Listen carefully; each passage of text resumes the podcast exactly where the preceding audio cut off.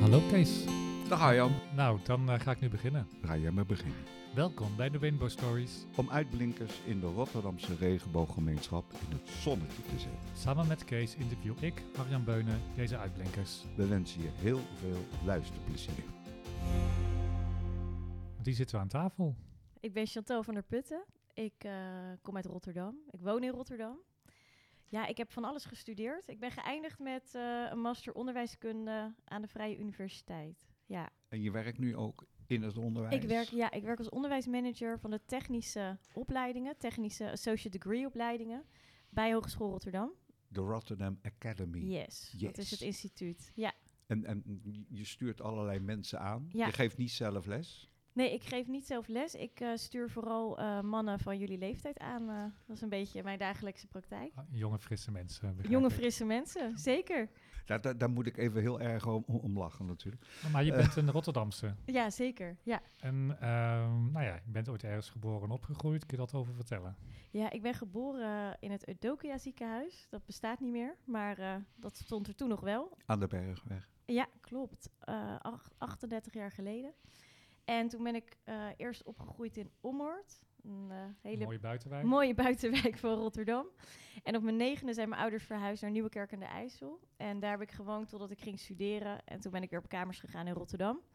En ik heb wel op school gezeten, op de middelbare school in Rotterdam. En op het jeugdtheater Hofplein. Daar heb ik 15 Oh ja. jaar gezeten. 15 jaar eh, in musicals gespeeld en eh, dat soort zaken gedaan. En, eh, Wa- wa- wa- wat was je sterrol die je daar mijn hebt gedaan? sterrol. Ja, ik heb ook in een musical meegespeeld, maar ik was... eh, De boom. de- nou, net niet. Ik was het kleine bloemenvrouwtje. Oké. Klinkt ook heel leuk. Ja, nee, ik speelde altijd het vriendinnetje van. Dus het vriendinnetje van Julia, het vriendinnetje van Aida, het vriendinnetje van... Oh. Dus, ja, ik was heel goed in het vriendinnetje van. Nou, we het Ja? daar toch over hebben. Ik heb ook een vriendinnetje. Ja, Ja? zeker. Hoe, hoe, hoe ben je daarachter gekomen? Of, Dat ik eh, op vrouwen viel. ja, ineens. Vriendinnetje van. Ja, Ja, nee, daar heb ik vrij... zegt alles. Oh, ja, eigenlijk wel, hè. Ik had beter moeten opletten.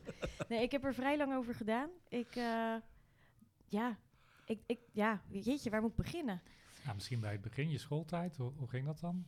Ja, ik wist altijd wel dat er iets met mij was en dat ik een beetje anders was dan de anderen, maar ik kon nooit zo erg mijn vinger erop leggen. Dus ik vond dat vrij eh, lastig. Ik kon het vooral heel goed vinden met jongens, om mee, om mee te spelen, om mee om te gaan. En ik kreeg automatisch daardoor ook vriendjes. Ik, ik kwam uit een, eh, ik zat in een evangelische kerk Mhm. en die was vrij streng in de zin van dat het niet de bedoeling was dat je iets kreeg met iemand van hetzelfde geslacht en dat soort zaken. Dus dat was de reden dat het voor mij ja, eigenlijk geen optie was om eh, in mijn hoofd Mhm. om het ook op een andere manier te doen. En ehm, ik heb heel lang gedacht dat ik biseksueel was, maar toen dacht ik van dat kan. En dan heb ik een relatie met een man, maar dan eh, ja, val ik toevallig ook op vrouwen. En uiteindelijk toen kwam ik er toch wel achter dat eh, er toch wel verschil was tussen eh, op mannen vallen en op vrouwen vallen. En mannen waren eigenlijk gewoon mijn beste vrienden, mijn matties. En vrouwen waren degene waar ik echt verliefd op kon worden. En ehm, nou, ik ben heel lang getrouwd geweest eh, met de allergeweldigste, meest fantastische man van de wereld. Mooi. En eh, ja, en we zijn elf jaar getrouwd geweest, we hebben 15 jaar relatie gehad. En op een gegeven moment zaten we samen op de bank een film te kijken. En die film heette Carol. En toen zei hij aan het eind van die film: Zeg je niet dat je biseksueel bent om je relatie met mij te verklaren? En toen dacht ik: Oh nee, dat, dat is het. Dat is er met mij aan de hand. En we hadden een fantastische relatie in de zin van: we hadden nooit ruzie, we hadden het altijd leuk, het was altijd gezellig. Maar we wisten: er is iets, maar wat? We Er konden mist iets. ja, m- maar zelfs dat, ja, het, was, het was heel moeilijk om daar eh, woorden aan te geven. Ont- ontbreekt het ook aan role models in, in, in de sfeer van vrouwen die op vrouwen vallen? Je, je hebt dan niet, kijk, je hebt in, in de, in de homo-scene heb je dan eh Martien Meiland en dat soort... eh, Ja, dat, eh, dat was sommigen misschien een role model. ja, maar ja, maar, ja, maar goed, dan, dan, dan, dan heb je daar meer een, een, een snellere identificatie. Of, of dat wordt eerder een etiket opgeplakt. En dat heb je in de vrouwenkant Heb je dat minder? in mijn veel minder. Denk Ja. ik, weet ik niet hoor. En ik identificeerde me sowieso niet heel erg met de vrouwen in mijn omgeving. Ik, Nee. zag- ja, niet, ik, ik voel Ja. me wel echt vrouw, maar ik zag niet echt heel veel gelijkenissen. Ehm, ik denk inderdaad dat het klopt dat er weinig rolmodellen zijn als het om eh, vrouwen gaat die Ja. om- op vrouwen vallen.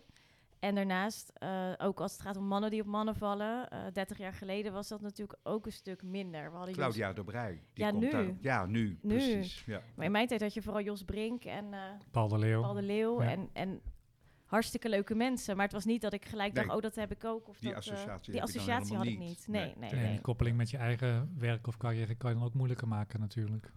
Ja, ook misschien. Ja, dat zou best kunnen. Ik vond het echt een verademing om mensen te zien die hetzelfde werk deden als ik, of soort van hetzelfde werk, en die dan ook op hetzelfde geslacht vielen. Dat ik dacht, oh ja, ja. En binnen je studietijd was dat helemaal niet? Nou, ik zat toen bij eh, NSR, Navigator, Studentenvereniging Rotterdam. En daar was het ook niet de bedoeling dat je Oh, op hetzelfde geslacht ja. viel. Hoe uitte zich dat dan? Zeiden ze dat dan letterlijk zo? Of? Ja, ja, als je daar eh, eh, een relatie kreeg met iemand van hetzelfde geslacht, in die tijd moest je al je functies neerleggen. Zo dan? Ja, ja, Zo. En, wanneer, wa- welke tijd was dit? ja 20 jaar geleden. Is het nog steeds zo, denk je? Of, eh? Nou, ik weet niet precies hoe het nu is, maar het- ik weet dat het wel iets milder is geworden. Hoe mild weet ik niet, maar het was in mijn tijd echt heel erg eh, ja, rigoureus allemaal. Wat dus, eh, ja, dat heb ik dus ook een paar keer gezien, dat dat zo ging. En eh, dat zette voor mij niet echt de deur open naar eh, eh, er meer over praten of nee. dat soort zaken. Dat was meer toen je op de bank zat en die aha-erlevenis had van...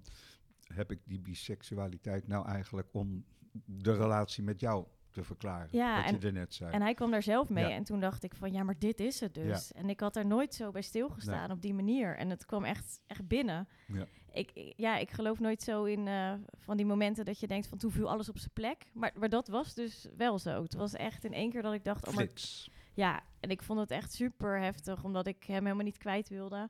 Maar ik wist wel dat we elkaar allebei gelukkiger zouden maken met iemand, als we een relatie met iemand Mhm. anders zouden hebben uiteindelijk. Of, of in ieder geval als we ons leven samen op een andere manier zouden inrichten. Dus, eh, En dat is gebeurd. en dat is gebeurd, ja. Dus ik heb nu eh, een hele leuke vriendin inmiddels. En hoe oud was je dan toen dat gebeurde? Ja. Dat ik werd van, hé, hey, het kwartje viel. Ja, dat is pas een paar jaar geleden. Echt waar? Ja, ja. Ik was echt eh, vrij laat. Ja. Nou, het is toch wel in ieder geval mooi dat je het hebt Onderkend. ontdekt. Ja, en dat je het ook een plek hebt kunnen geven aan die staat waar je nu staat. Ja, ja, het is heel bijzonder, omdat ik sindsdien echt het leven dat ik leid en de persoon die ik ben, dat komt voor het eerst echt overeen. En ik heb hiervoor echt wel een mooi leven gehad. En ik zou ook mijn tijd met mijn ex-partner nooit hebben willen missen. Maar ik heb nu voor het eerst het idee dat alles klopt. En daarvoor had ik altijd het idee van, er is iets. En er klopt iets niet, maar wat? Zo'n schaduw over je heen of zo. Ja, Dat er toch een beetje... ik heb er nog nooit echt... Zo'n rem of een handrem aan misschien. Nee, ik heb er nog nooit- Gevoel. Nee, meer van ehm, dat ik het leven aan het leiden ben, maar dat ik weet van ergens zi- zit er iets. Ik, ik ben dit niet echt, maar wat, wie ik wel ben, weet Ja. ik niet. Daar ben je net een paar eh, dagen naar het buitenland geweest. Ja, En hoe heb je die dan ervaren tegen die achtergrond? Dat je dan eh, in New York, wat natuurlijk toch ja, de, de biggest city in the world is, en, en naar Dublin, eh, heb je dan ineens een heel ander patroon van uitgaan, dingen zien, dingen beleven? Met je vriendin nu? ja met mijn Ja. vriendin. Ehm, ja, niet, niet per se heel anders. Ik eh, hou ervan om naar eh, sportwedstrijden te gaan. Dat hebben we gedaan. Dus eh, naar eh, Madison Square Garden, eh, naar de NBA. Hoort erbij. Naar worstelen, naar, eh, naar eh, ijshockey, de New York Rangers. Ja, nou zou ik naar New York gaan voor allerlei andere dingen, maar oké, ieder zijn, eh, zijn ding. Ja, we hebben een lesbische bar geprobeerd, maar mijn vriendin hield het daar maar twee minuten vol. dus toen zijn we maar naar een soort van Irish pub gegaan en dat En ging waarom, een stuk waarom beter. was dat? Waarom? Het was niet helemaal haar, eh, Cup of tea. ja, ja. Want heb je in Nederland eigenlijk nog wel goede lesbian Ja. bars? Mm, nee. Nou ja, misschien wel in andere steden, maar in Rotterdam zijn ze er niet meer. En in Amsterdam? Loud had je hier Ja, toch? hier had je Loud. En in Amsterdam heb je er volgens mij nog wel twee. Mhm. Toch? Ja, ik kom er niet. eh. Als jij er al een vraagteken Ja. achter moet Maar zetten, dan Ja, maar ik ga nog steeds vooral met mannen om. Dus ik ga eigenlijk vooral naar, naar ja, de reguliere gayclubs en eh, de gewone... in de reguliere dwarsstraat. Ja. Bijvoorbeeld. Of in Rotterdam In natuurlijk. Rotterdam. Absoluut. Ja. Je hebt iemand genomineerd voor de Johanna Ellekampprijs. Ja. Als we daar naartoe over kunnen stappen naar deze persoonlijke ontboezemingen. En eh, ja, misschien kun je dat zelf toelichten, want het zit in de Roze Kameraden, de oprichter daarvan. Ja, ja. Vertel. nou, Paul van Dorst heeft met twee anderen eh, de Roze Kameraden opgericht als, eh, als bestuur. En nou ja, inmiddels zit ik zelf ook in dat bestuur. Maar toen het opgericht werd, toen was ik meer een Fan. fan, fanatieke supporter. Na een half jaar ben ik het bestuur ingegaan. En Paul die heeft, ondanks dat hij heel veel over zich heen heeft gekregen... Ik moet trouwens iets meer uitleg geven, want niemand weet nu waar het over gaat. Nou, heel veel mensen toch wel. want als je- Inmiddels wel, hè, maar het is toch, steeds bekender. Maar vertel eens even, wat, wat is het precies? Ja. Graag. Ja, nou, de Roze Kameraden, dat is een, eh, dat is een eh, fanclub voor eh, nou ja, mensen die in ieder geval of zelf LBTI plus zijn of eh, nou ja, dat onderwerp een warm hart toedragen. En die fans zijn van Feyenoord. En ehm, wat belangrijk is voor de Roze Kameraden is dat ze een veilige plek willen bieden voor mensen die, dat, eh, die daar behoefte aan hebben. Dus eh, dat, dat er mensen zijn met wie ze even kunnen praten of dat ze een keer samen een wedstrijd kunnen kijken. En daarnaast eh, is een ander heel belangrijk element dat er discriminatie binnen het voetbal, als het gaat om spreekkoren en dat soort zaken, dat dat wordt tegengegaan. En om die twee redenen zijn de Roze Kameraden opgericht. En Paul die heeft veel over zich heen gekregen. In principe natuurlijk het hele bestuur, maar het was wel heel erg gericht en nog steeds op Paul. Ehm, er zijn heel veel bedreigingen geweest. De sportschool eh, is eh, beklad. Er is een poging tot brandstichting geweest. Ook bij COC. En dan wel weer gericht op de Roze Kameraden, omdat daar het postadres is. Nou, en zo waren er heel veel eh, hele vervelende zaken. En Paul heeft zich geen moment teruggetrokken of geen moment gezegd... nou jongens, bekijk het maar. Hij heeft eigenlijk eh, altijd stand gehouden.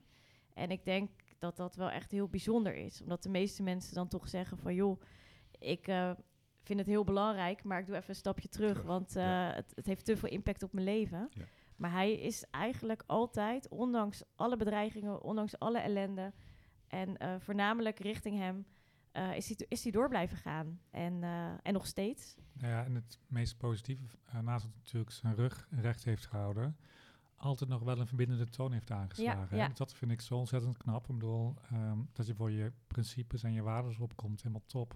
Maar de manier waarop hij dat doet, altijd wel de dialoog zoeken en kijken wat er wel mogelijk is, ik echt bijzonder knap. Ja. Gezien wat hij allemaal over zich heen heeft gekregen. Want ik heb van dichtbij ook me- mee mogen maken.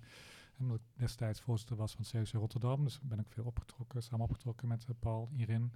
Dat vind ik echt heel sterk van hem.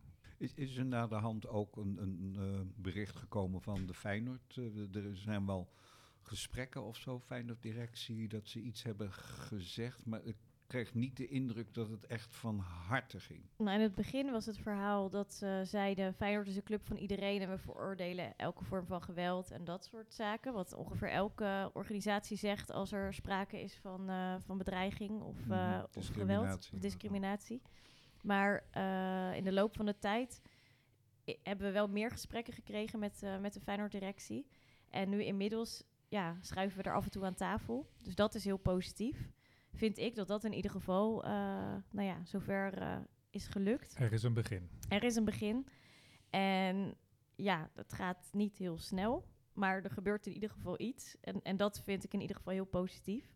En inderdaad, Paul heeft altijd een hele verbindende rol aangenomen. Hij, eh, hij is, eh, ja, is, is niet eh, met gestrekt been erin gegaan. Maar hij heeft altijd geprobeerd om ja, partijen bij elkaar te brengen. Ja, en ik hoop dat het niet nog tien jaar gaat duren voordat we wat bereikt hebben. Ja. En met wat bereikt hebben bedoelen we echt dat er wordt opgetreden tegen spreekkoren.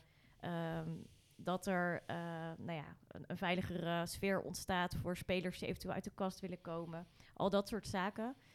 Ja, en Ehm, dat ze gewoon meedoen met de Coming Out Dag. En dat de KNVB ook gewoon eh, wat, wat stevig optreedt. Ja, en, en, ja. en de ballen heeft er hier wat tegen te doen. ja, ja, binnenkort gaan Paul, eh, nog iemand anders, eh, een andere supporter van een andere club en, eh, en ik dan eh, naar de KNVB weer. Maar ehm, dat gaat ook niet heel snel allemaal. Nee, maar er ja. gebeurt iets. We mogen in ieder geval praten en dat is natuurlijk al heel fijn. Mm. Eh, je, je, je noemde net tien jaar, over tien jaar, dat je dan een stap verder bent. Ik ga weer tien jaar terug. Met Joke Ellekamp zijn we samen met de andere home-ambassadeurs... hebben het voetbal als eh, eh, een werkterrein eh, aangeduid. En daar zijn we ook bij Feyenoord geweest. Hebben daar met mensen gesproken. We gezegd, "Wie- jullie hebben een voorbeeldrol voor alle andere amateur voetbalclubs in de regio. We willen graag met jullie een, een, een, een sessie beleggen. En eh, nou, dan moeten jullie jullie verhaal vertellen hoe jullie met diversiteit in jullie eigen omgeving omgaan. Nou, dat is toen allemaal uitgeschreven, uitgedaagd, samen met Radar, heel programma gemaakt en eh, fijn dat ze meedoen. En op een gegeven moment zei ze, ja, nou, wij doen daar inhoudelijk niet aan mee. Je kunt wel het zaaltje huren. Huren, wat attent van ze. Ja. Ja. En toen, ja, Joke Ellekamp, eh, die kon daar nog wel eens heel erg uit de bocht vliegen. Eh, en, die is toen heel boos geworden. Eigenlijk allemaal van, ja jongens, maar we waren zover. Hè? En we- je hoeft niet helemaal alles te omarmen. Maar jullie hebben een soort voorbeeldrol. Samen met Sparta en Excelsior, die er wat toeschietelijker in waren. Maar dan heb je zoveel tijd en energie erin gestopt. Vandaar dat ik Ja. denk van over die tien jaar. Ja, Ja, eh, tien jaar terug waren we eigenlijk ook in gesprek. Maar er is eigenlijk ook met elkaar in Blankstein Ja. daar naartoe. Nou, er zijn wel wat dingen gebeurd. Er is zelfs met Coming Out Dag toch heeft de regenboogvlag gehangen voor het eerst. ja, eh, ja, of nou niet met Coming Out Dag, het? was met Roze Zaterdag. Roze toch? Zaterdag in Rotterdam. Ja, ja. waar hing die? aan de Kuip. Aan het Maasgebouw, toch? Zeg ik nou iets Ja, heel doms? weet ik veel. Nee, bij de dat Kuip. kan. Ja, Ja. maar dat is Zo dan. bij het Maasgebouw. Doe Ja, maar. ja. Ja. Oké. Dus stapje voor stapje. Ja, maar het gaat wel heel traag. En, en je Heel merkt traag. dan, en, ik, en, en- en dat waardeer ik eh, precies wat jij ook zegt in Paul, heel sterk, dat om dan toch, ondanks dat je eigen eh, broodwinning eh, in, in, in gevaar komt. En eigen hè, veiligheid. En eigen veiligheid. Ja. Dat je dan toch eh, door wil zetten en in, in die dialoog aan wil blijven gaan. Maar ergens moet men wel een keer door de hoepel springen. En Klopt. dat vind ik heel, heel Nee, ik ben en ik kende jouw verhaal ook, hè, Ja. van tien jaar geleden. Alleen is het nu wel zo dat het wel veel meer wordt opgepikt door media. Dus we merken wel, we mogen Dat vaak ons verhaal doen. Eh, we waar. schuiven regelmatig ergens aan. Ja. Dus dat is wel een verschil met toen. En er is pas een mooie documentaire ook geweest op de NPO. Zeker, Dus ja. iedereen die er meer over wil weten, kijk naar de volgende documentaire. Als je de naam even kan noemen. De Chantal. roze supporters Kijk, van de nou, NPO. ja. Ja. Dus zoek het gewoon even op. Het is echt super interessant. En wat ik vooral heb geleerd, dat het eigenlijk in Nederland echt achterloopt. Hè, vergeleken met Duitsland of eh, Engeland. Engeland. Daar, Den Haag. Daar, Den Haag een beetje. Maar oh, Nederland, Nederland loopt achter. ehm, dat het eigenlijk daar heel gewoon is om een LHBT-supportersvereniging te hebben. Dat de club dat ook ondersteunt. En dat er ook beleid op is. Dat homospreekhoren daar worden aangepakt. Hè. En dat in Nederland dat, zo giga ingewikkeld is. Dat is toch eigenlijk wel vrij bizar. Dus Manchester, Bayern München, allemaal hebben ze het. Maar hier is het allemaal in één keer moeilijk. Dat vind ik wel echt, eh, echt on- ongelooflijk. Ja, dat... eh ja, je ziet het ook met die One Love Ja. band, mm men zo gehandeld is. En dan gaat onze staatssecretaris op de tribune zitten met, met een speltje. en, en een sjaal. En wat is jou? Ja. Een Ja, sjaal over eroverheen. het speltje. Ja, Ja, Dat, dat Ja. speltje was moeilijk te zien. eh, ja, Nou, ja. Nou, Chantal, ik weet dat je ook best actief bent in de LHBTQIA plus wereld. En vooral in het Rotterdam. Er zitten allerlei type organisaties. Waarom vind je het zo belangrijk om te doen? Ja, ik zal eerst eh, heel kort een samenvatting maken van de organisaties. Daar komen ze. Daar komen ze. Eh, ik ben dan voorzitter van Student Pride Nederland. Dat is dan toevallig landelijk, maar wel opgericht in Rotterdam. Eh, daarnaast ben ik eh, tot voor kort eh, bestuurslid geweest bij Oud in Rotterdam. Dat, En wat doet Oud in Rotterdam? Oud in Rotterdam. Ja, Oud in Rotterdam is een. eh, het, het is onder andere een platform waar eh, mensen alles kunnen vinden over wat er te doen is rondom LBTI plus zaken in Rotterdam. Dus van uitgaan tot aan cultuur tot aan eh, sport. En daarnaast eh, ja, organiseert in Rotterdam. Het was voorheen Gay Rotterdam, de naam is veranderd in in Rotterdam. Organiseert in Rotterdam ook eh, evenementen en dragen ze bij aan nou ja, bijvoorbeeld de Roze Nieuwjaarsborrel. Of eh, de, Pride de March, Pride March. Die we samen hebben Die- georganiseerd. ja, dat ga ik komend jaar nog wel blijven doen hoor. Dat vind ik veel Heel te goed. leuk. Ja, dus Ja. de Pride Mars blijf ik doen en de Roze Nieuwjaarsborrel. En daar help jij gelukkig heel goed bij, Kees. Dus dat is ook hartstikke fijn. Nou ja, ik ben dan natuurlijk bestuurslid, penningmeester van de Roze Kameraden. Daarnaast eh, ben ik bestuurslid bij Geloof en Samenleving vanuit de remonstranten. Eh Geloof en Samenleving zorgt ervoor dat... En de initia- remonstrant is een geloofsstroming, ja, toch? ja, ja, ik ben Ja. uiteindelijk overgestapt van de evangelische stroming naar de remonstrantse stroming, omdat die iets meer hadden met mijn eh, eh, liefde voor vrouwen. En dat paste daardoor ook wat beter. En met jouw levensvisie dus ook. En dus met mijn levensvisie, klopt, klopt. En ik ben altijd wel stiekem ook katholiek gebleven. Ooit katholiek gedoopt en dat heb ik eigenlijk altijd gehouden. Ja, ja. Dus ik ben... Schept een band dan. Ja, toch? Ja. Ja, Maar niet Rooms-katholiek. ja Rooms-Katholiek. Ja, oké. ja. Ja, het schijnt dat je niet kan uitschrijven ervoor. Hè? Dus dat, Nou, dat eh, kan wel. Vertel, hoe dat doe dat je dan? wel. Ja, ja, ja. Nee, je kan, je kan een brief schrijven en dan zeggen van ik wil, wil, wil niet meer bij de club horen. Maar ja, ik vind Maar het... dan moet je wel motiveren. Ik, ik heb zo'n brief gemaakt Ja? op een gegeven moment, omdat eh, de vorige paus die had op een gegeven moment een, een bisschop die de holocaust ontkende, eh, weer in het zadel geholpen. Mhm. En eh, dat vond ik wel zo eh, een brug te ver, dat ik toen heb ik een brief geschreven van, eh, sorry, maar hier weer, bij deze club wil ik niet horen. En die heb je ook ingediend, die brief? Op een gegeven moment werd dat teruggedraaid door de paus. Dus toen zei mijn partner van ja, je bent daarin groot gegroeid. Hè? Je bent daarin opgevoed. Mhm. Dus dat zeg je niet zo makkelijk op. En Ja. toen dat werd teruggedraaid door de paus Benedictus Ja. XVI, God hebben ze ziel. eh, dan dan eh, dacht ik van nou oké, dan hou ik dat maar in. Ik heb nou dan nog een andere brief naar de, de, de huidige Ja. bisschop ges- gestuurd omdat er toch wel wat ambivalent over homoseksueel. Ja, het- je mocht het wel zijn, maar je mocht het niet doen. Ja, Ja. nou dat was al Ah. verademing voor mij, want bij de evangelische kerk mocht je het ook niet zijn. Kijk, ben Dus je alweer een dit stap was voor verder. mij al best wel een stapje Ja. vooruit. Ja, maar na 50 jaar de boel in praktijk gebracht te hebben, vond ik het toch een beetje Ja, hypocriet om snap dan. ik. Nou ja, Ja, nee, dus, dus ja, want mijn familie is katholiek en Ja. ik ging met mijn moeder vanaf mijn vijfde naar de evangelische kerk. Maar omdat het katholieke geloof wel geloof is van mijn familie, vind ik het ook wel heel mooi, Mooi. en waardevol. En ik hou wel van de tradities en de symbolen. Dus, nou ja, dus ik ben nog steeds lid van de katholieken. Nou, die hebben natuurlijk totaal geen contact met de remonstranten. Dus je kan gewoon lid zijn van twee eh, clubs. Doe maar. Ja, dus Maar eh, wat trekt jou aan in de remonstranten? Wat is de Arminiuskerk? Arminius, ja. ja. en, en wat zijn daar de specifieke Nou, elementen in? heel specifiek is dat eh, er niks tussen jou en God moet dit beter uitleggen.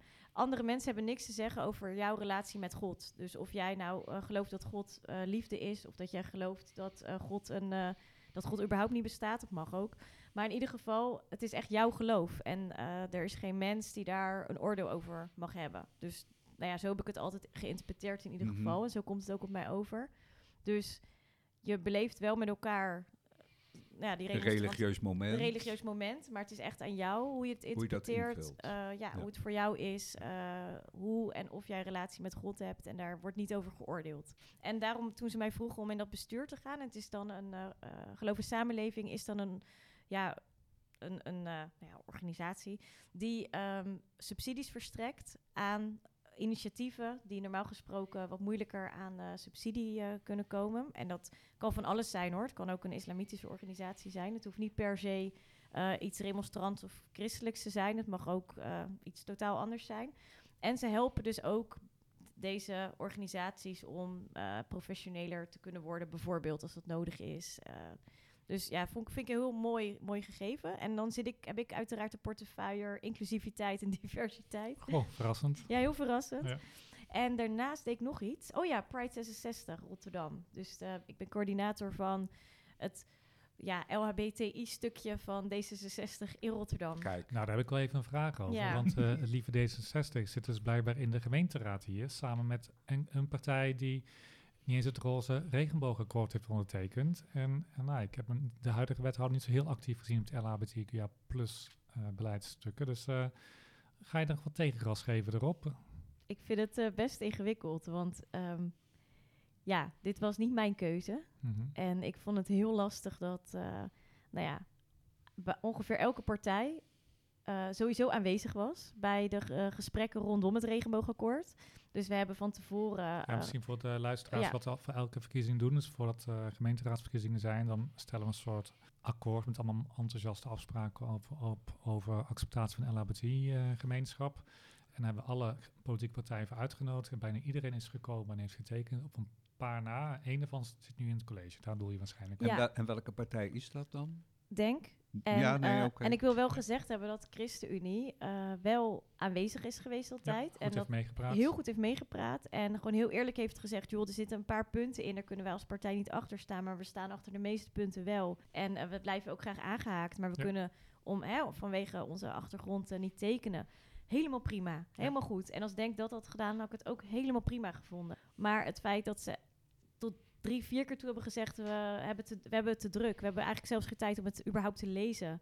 En dat vervolgens er een wethouder komt die gaat over inclusiviteit. Ja. Ja, dat vond ik heel lastig. De wethouder van Denk eh, bedoel Ja, je dus, ja, die daar nu ja. over gaat. Ja. Is dat Fauzi Akbar of is dat Ja. een andere? Ja. Nee, oké. Ja. Nou, dan Maar moeten we kijk, daar een keer Ik heb hem een paar keer gesproken, maar Ja. dat was zo kort dat ik dit Oh. onderwerp nog niet heb aangekaart. Maar ik zou dat nog wel een keer heel graag met hem willen bespreken. Want Dan gaan we samen een gesprek met hem. Oh, dat lijkt me een goed idee. Ja. Zeker. Goeie, goed voornemen voor 2023. Zo is dat. Nou ja, en vooral geen woorden maar daden. Dus, Oh eh, ja, hè, ja. Dus, eh, Ik kom hier niet onderuit. Nee, maar dat moeten we dat. doen. En, Want- en- ook naar de, naar de bestuurders toe, in dit geval van Denk. Eh, laat ook zien dat je wethouder bent voor alle inwoners. En eh, laat het ook uit in beleid. Dus we zijn heel erg benieuwd. Nou, Kees en ik die gaan hem natuurlijk eh, uiterlijk maandag uitnodigen voor de roze nieuwjaarsborrel. We hebben het vorig jaar geprobeerd, toen lukte het niet. Maar toen waren er ook nog andere dingen met dat... Nee, het was net de verkiezingen geweest. en Precies, dat, eh, dat, ja. was een ander, eh, Ja, andere om- reden in ieder ja, geval. ja. Maar Kees, wij gaan dit maandag oppakken. Zo is dat. En We gaan richting de afronding, eh, Chantal. Maar als je even vooruit kijkt, en we zijn over, over vijf jaar,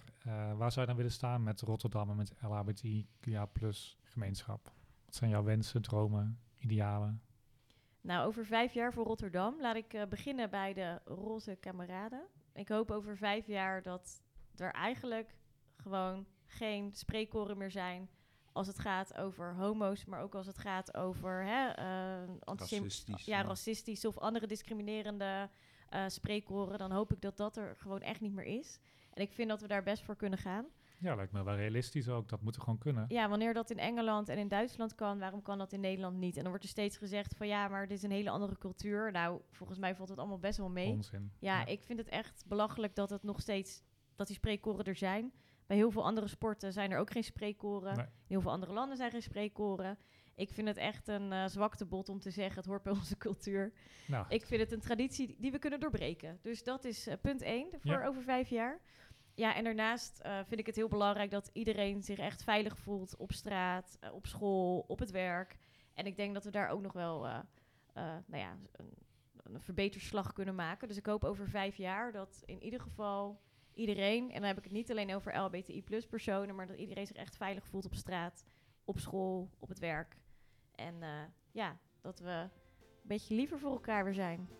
nou, laten we dat gewoon eh, deze afspreken. Dat we Ja. ons daarvoor blijven inzetten. Zeker. Nou, dankjewel voor dit mooie gesprek, Chantal. Dank jullie wel. Dankjewel voor het luisteren naar deze Rainbow Story. Ze zijn te vinden op de gebruikelijke platforms zoals Spotify, iTunes en zoek dan op Rainbow Story of op Arjan Beunen. En ook zijn de Rainbow Stories te volgen op Insta. Ook zal ik over de Rainbow Stories vertellen in mijn blog bij oudinrotterdam.nl. Dus als je nog vragen, tips of ideeën hebt, kom maar op.